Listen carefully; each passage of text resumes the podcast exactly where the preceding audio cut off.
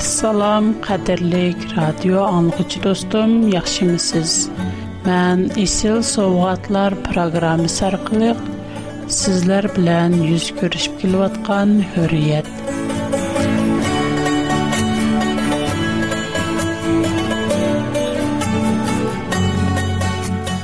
Teningizlərə salamatlik diləyirəm.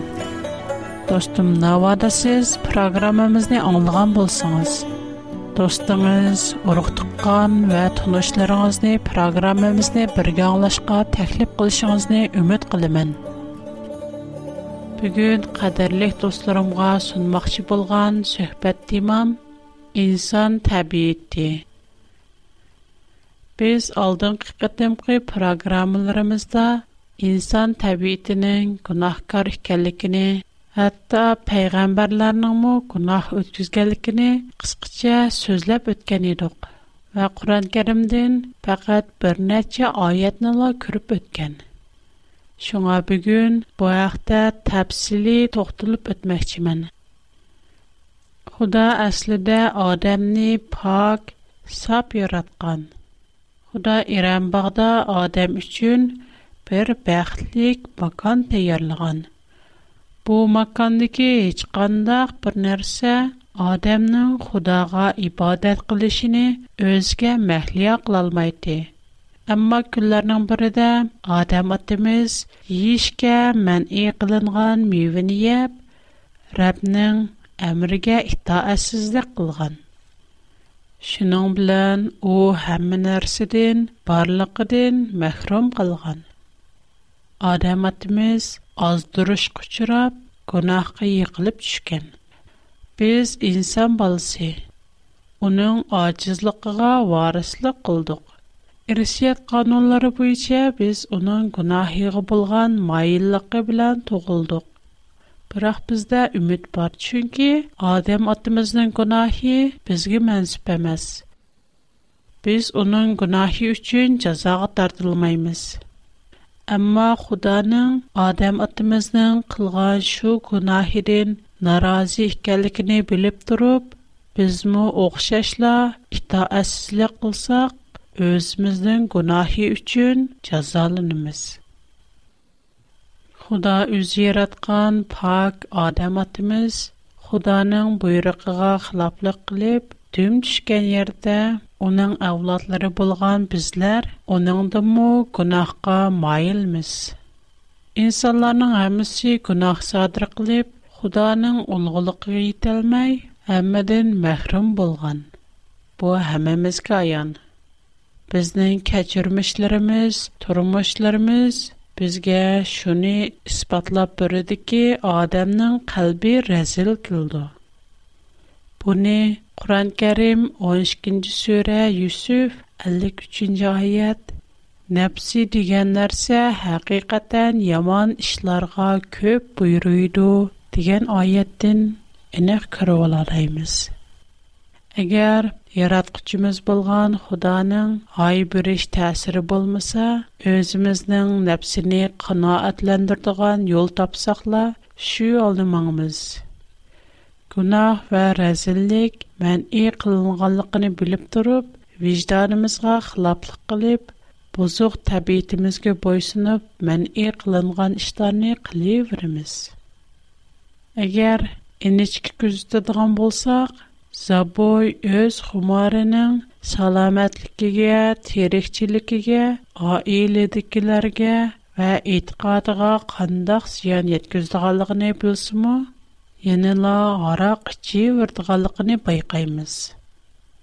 Оның үшілігі контроль қылғылы болмайдыған көч, үшу әзіл үшінен қылышқа әйттірген. Сына құр, оғыр қымауаз, түйімәт құр, әсәт құр, алдамшы терік кәкдік мұ, әні забойның, мисалы қоқшашы. Yana bizning turmushimiz bizga ichimizda g'ayri yomon hissiyot va moyillikning mavjudligini ko'rsatib turdi mana bularning hammasi inson tabiatining chiriklashish natijasidir razillik vijdonimiz bilan kurash qilib yaxshi niyatimizga qarishlik ko'rsatadi agar sagak turib o'z калбэмизне Худога атмасак, өзмизнең яраткычыбыз булган Худоның ирадысга хилафлык эшләрне килеп, разил арзу-хәвәстләргә әсир булып калмаз. Без hiç качан кушри, әйеп юк одамны учыртып бакмаган. Әйсадан башка hiç кانداк бер инсан өзені мутлак пак, гынаһсез дип әйтелмәй Bayı dep ötkünümüzdek Kur'an Kerim 12. sure Yusuf 53. ayetteki Nəfsi digən nərsə həqiqətən yaman işlərə köp buyuruydu. Digən ayət hər bir adamın çirikləşib ketkəlikini göstərib durdu. Əməli turmuşumuzdan alsaqmı, bizning jinimiz özimizni yaman işlərə buyuruydu. yoki shundoq yomon ishlarni bilib turib shu ishni qilishga kuch kiritadi bizni yomonlikqa osiylik qilishga undab kayf safo surishga tashna qildi hozirgi jamiyatimizning moddiy dunyoning tortish kuchi ustun bo'lg'achqa bizning arishga ko'tarilish jannatga intizorlik tashnaligimiz kamchil bo'lvotidi Кепнең мәгъзиге келсәк, инсан баласы бузылып кеткән эгыр гунахкар. Худаның шапа ите һәм рахим шапкыты булмаган булса, бер мо адам гунахтан акылын алмаган булатты. Мукаддас китапта диелгәндәк, һәр бер инсан гунах үткәзгән. Чирихлек барлык инсанны булгып әткән. payg'ambarlarmi inson bolasi bo'lg'achqa gunohkordir hammamizga ma'lum payg'ambar xudoning insonlarni ogohlantirg'uchisi xudoning gap so'zlari vahiysi bishoratlarini insonlarga yetkazguchi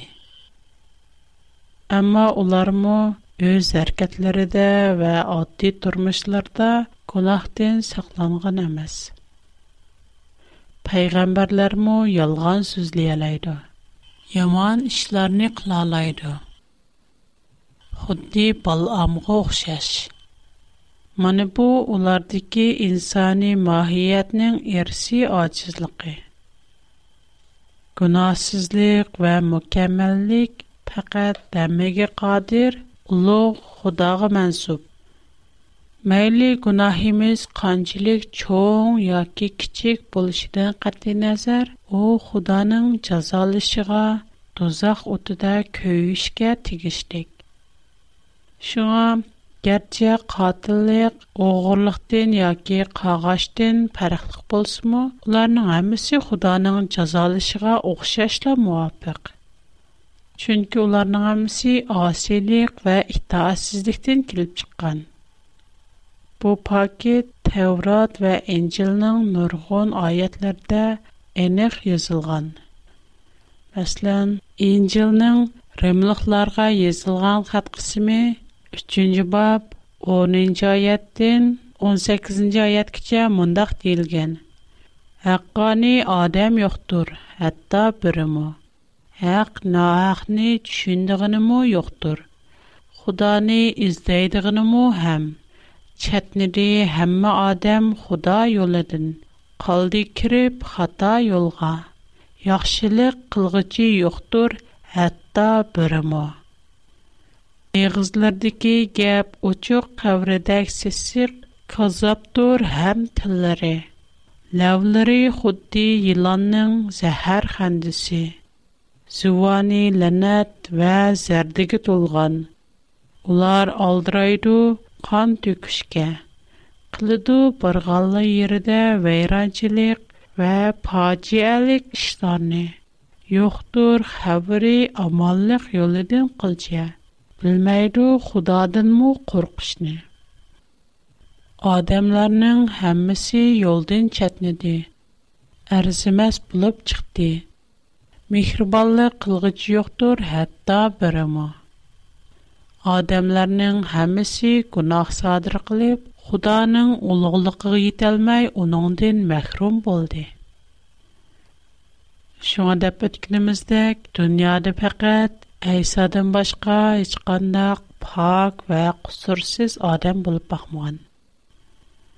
Шүкри чин калбымыздан шүкри mukaddes Rabb'e şükri çünkü Eysani takdim taqdim qildi bizga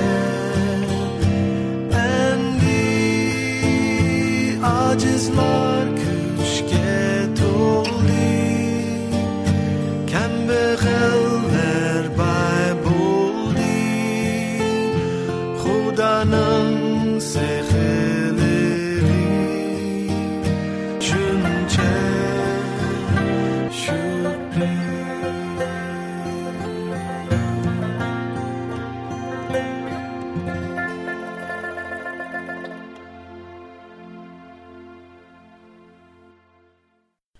Әсәмді пәйғамбарларының өткізген күнақларыны көріп бақайлы.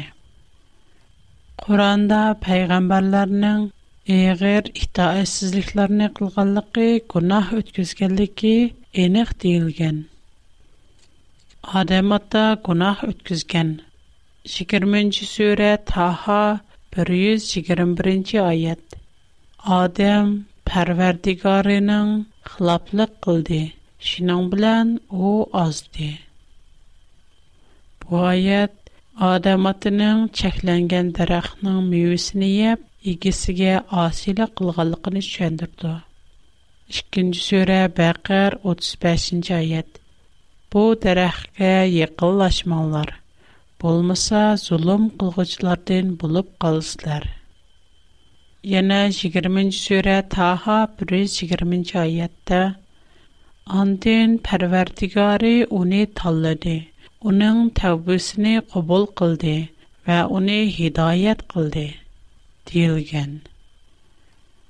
Адам атмиз гунаҳ қилгандан кейин тавба қилган. Чунки улар Парвардигаримиз биз ўзимизга ўзимиз зулум қилдиқ. Агар сен бизга мағфират қилмасанг, биз чуқум зиён тортқучлардан бўламиз, деди. 7-нче сүре Айраф 23-нче аят. Демәк, безнең иң дәслепке адам атымыз эгер гунах кылган. Итаәсезлек мо эгер гунах. Нох мо гунах кылган. 71-нче сүре Но 24-нчедән 28-нче аяткәчә мондак диелгән. Маңа ата-анамга Менің өйімге мөмін болып керген кішіге вә мөмін әрлерге, мөмін аялларға мәқпірат қылғын. Демек, ну, эйгір бір күнах қылған. Болмыса, оның мәқпірат тілішінің ғажеті йоқ. Чүнкі, мәқпіратіләш күнах өткізгеннен кейін болдыған бір іш. Ибраиму күнах қылған. 14-жи суре Ибрахим 41-жи аятта мундах дилду. Парвар Хисап алдыған күнде маңа, Ата-анамға ва мөмілерге мағбрат қылғын. Деп өткініміздек мағбратылаш пақат Кунах өткізгенден кенге болдыған іш. Унанды башқа, 2 жи суре бақар 265-жи аятта. Өз вақтыда Ибрахим, пәрвәрдігарым, өліклеріні қандақ терел дұрды қалдықыңны маңа көрсеткен, деді. Алла, шәнмедің му, деді. Ибрахим, лікен көңілім қарар тапсын үшін тілеймен, деді. Манымыш айетті му, Ибрахимның құданың күч құдыртыға Бу мы эгер Яна 21-нче сүре Анбия 64-нче аят. Ибрахим, бәлки уларның моны чоңы шунда кылды.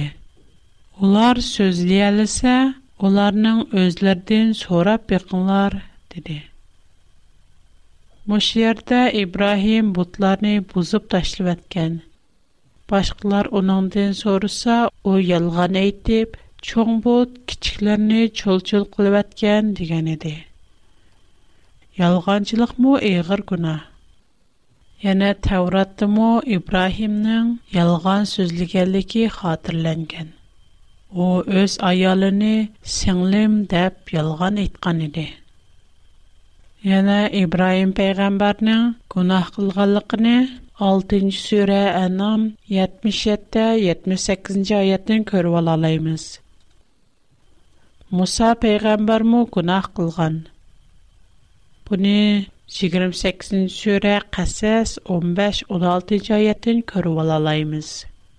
Муса уни мошт белән берне урып өлтүрүп койды. Муса әйтте: "Бу шайтанның ишидер. Шөхбісізгі шейтан аздырғычы ашқара дүшмендір. Муса етті, пәрвәрдігарым, мән хақиқаттан өзімге зұлым қылдым. Маңа мәғбірәт қылғын. Алла оныңға мәғбірәт қылды. Оныңдан башқа 26-нчы сөрә шу 19-нчы айат. Муса Мән шу ішні қылған чығымда надалардын едім. Яна 7-ші сүрі Айраф 150-151 аятни көріп бәкін. Бұныңды му Муса күна өткізген. Мұша аятлардын Муса пейғамбарның қатылық қылғалықыны көргілі болды. Қатылық болса, найти иғыр күна. Шының үшін Муса пейғамбар – Ез гына хира игърар кылып магъбурат дигән. Куръанда Юсуп мо гынахка майыл булган. 12-нчи сүрә Юсуп 24-нҗи аяттен буны көрәнебез. Окуп әкәле. О Юсупка бәл баглады. Пәрвердигорның росьен тәлелене көрмәгән булса, Юсуп мо аныңга майыл булган булады. Biz Yusufdin günahdan və sət işdən, yəni şundaq saqladıq. Şübhəsiz ki, Yusuf bizning sadiq bəndələrimizdən idi. Tavratning yaratılış qismi 47-ci babda Yusufning öz atası Hazreti Yaqub peyğəmbərinin Yusufning iki oğluğa bərgən bişarətiyə təsləbdə işənməyənliyi xatırlanğan. u yana qarindoshlarga to'lashliq bermay ularni sinash uchun ularga hili ishlatib tuhmat choplagan Программа ахырда достумга адресимни дәп бермәкчмен. Әгәр мен белән алакалашышны халысыңыз, қалам ва кагаз таярлап койсаңыз, программа ахырда адресимни хатırlап ала Дауд байгамбар му гунах қылған. 38-жи суре сад 24-25-жи айад. Дауд бізнің уни синғаллықымызни білді. Парвардигаридын мағпыра талап қылді. Сәйдігі барды. Біз уни абу қылдық. У бізнің даргахимызда албетті яқылықа ва яхши ақвэтке ігі болды. Әмәлиятта Тәвратның Самуил китабы 1-нче кысымы 11-12 баптагы тәфсилий хатırlarda уның гунаһи қатиллик ва зина икәнлегене, әмма шу җинаятларны тунып yetkәнлек өчен Худадән мәгъфирәт сорап, кечиримгә эришкәнлегене күрәләйбез. Сулайман мо гунаһ кылган. Буны яны шу сүре 31-35 аяттен көріп ола алаймыз. Әгер достларым қалыса, бұл аятны өзлерінің көріп шықшыны үміт қылымын. Оныңды башқа Тәуратның қатырлырға сасланғанда, Сулайманның күнахи яна Құданың юлдын езіп, Құдағы асилік қылыш.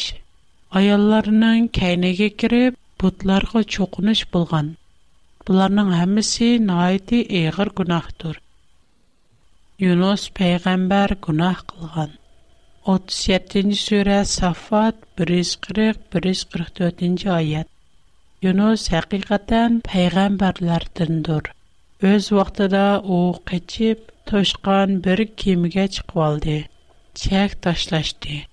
Yunus məğlub olğanlardan olub onu çoğ bir biliq yutuvatdı. O əyiblinişkə idi. Әгәр ул тәсбих әйткычлардан булмаса иде, Белихның карнында әлбәттә қиямат кичә калатты.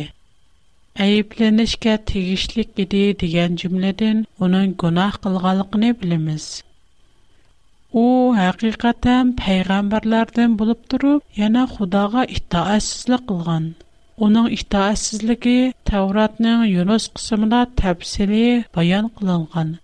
O xudoning buyrug'ini anglamay xudoning ninevi shahardagilarni tovba qilishga chaqirganligini ularga yetkazmay qochib ketib oxiri ashu beliq tarafidan yutib etilgan edi ulardan boshqa yana horinmu gunoh o'tkazgan uning gunohi isroillarga cho'qinishga bot yasab bergan bumi albatta ig'ir gunoh Яг му кунах өткізген.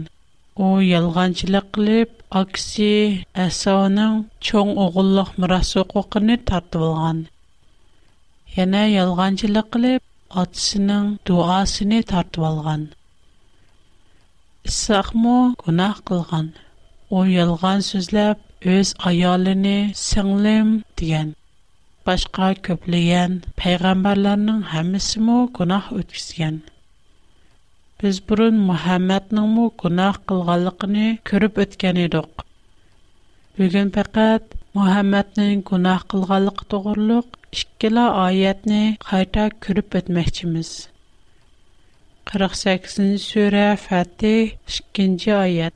allohning sening ilgirki va keyingi gunohlaringni kechirish uchun sana bergan ne'matini mukammallashtirishi uchun seni toğra yolğa başlaşı üçün, sana güçlük yardım birişi üçün, sana hakikaten roşan galbe ata kıldık. 47. Sure Muhammed 19. Ayet Bilgin ki Allah'ın başka hiç məbud yoktur. Günahın üçün, er ayal müminler üçün məğbirət dilegin.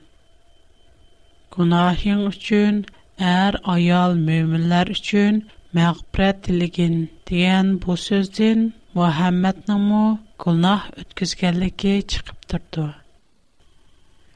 Əgər o günah ötküzməyən bolsa, Xuda nədimi günah emas işini günah deyib onu günahığa tövbə qilishqa buyurdu.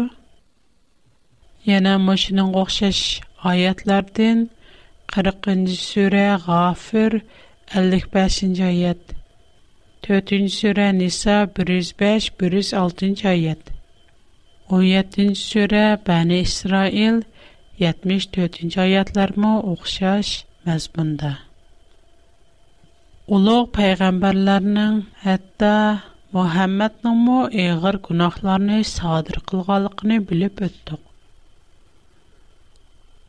biz shak keltirishga payg'ambarlardanmi moyil payg'ambarlardanmi usta gunohning cho'ng kichigi yo'q oddiysi itoatsizlikmi noiti eg'ir gunoh chunki yetmish ikkinchi sura jin yigirma uchinchi oyatda mundoq deyilgan kimki allohga va uning payg'ambariga osiylik qildikan O dozaq azabığa düçar buldu. Dozaqda məngü qaldı. Şuna günahın aqibəti ölüm. Ölüm bolsa dozaq. Nənə nurgun sürləri görüb ötkənimizdək, peyğəmbərlər günahiga tövbə qılıb məğfirət diləgən. Tövbə qılış öz günahiga ökünüş, Xudaga iqrar qılış Андин ашу гунахини ішкінчи қылмасылга бәл бағлашдин ібарад. Туу қылыш пақад гунах өткізгендин кейін буладған іш. Шуға біз қайд-қайда іспатлап өткендек, хамимыз гунахкар. Ялғанчылық му, қатылық, зинахуырлық, хитаэсізлих му, оқшашла наайди Bəzidə biz yalğan sözləşni kiçik günah deyə oylayırıq. Həm bəzidə birər iş üçün yoki öz məqsədimiz üçün, fayda üçün yoki birər kişinin mənfəəti üçün yalğan sözləş heç qandaq günah emas deyə oylayırıq. Əməliyyat ondaq emas. İncilning bisharatlar, ya'ni vahiylar qismi 21-bob 8-ci ayətdə onun aqibəti doğruluq mündəq deyilgən. Qorxunçaqlar, itaətsizlər, etiqadsızlar, rəzillər, qatillər, zinaxorlar, sehrgər, palçı daxallar, butpərəslər həm barlıq yalğancılar, onların həmisi sulfat və otda köydürüldü.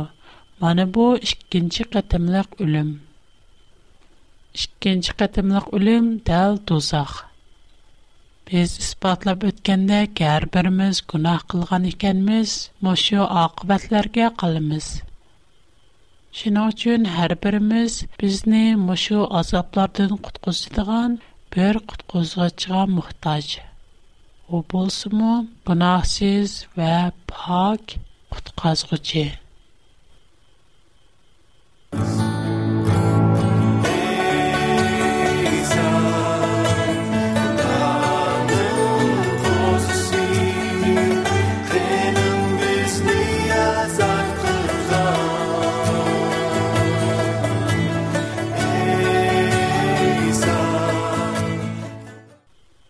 Qadirlik dostum, yuqarıda biz insan balasının, hatta peyğəmbərlərinin mu günahkar ikəlikini sözləb ötdüm. Hazır siz özünüz doğruluq qandaq oylaysız? Özünüzni yana günahsız deb oylamsız yoki günah ötküzgenlikingizni e'tirof qilamsiz? Qadirli do'stim, kelar qatim sizning programmamizni yana ziyorat qilib kelishingizni orzu qilaman. Sizning xatingizni topshirib olish mening xo'shalligim. Əgər mənə xət yazışni xalısınız, mənim tor adresim hurriyet@bigfoot.com mundaq yazıldı. H U R I Y E T çəmbər içində E B I G F O O T M mana bu m to'r adresim mening xat adresim a w r p o box 310 mening hanzicha xat adresim Şangan Yujin Zongju Xishan 310 nömr. Xo'sh, Xudoga amonat. Qayt ko'rishgacha omon bo'ling.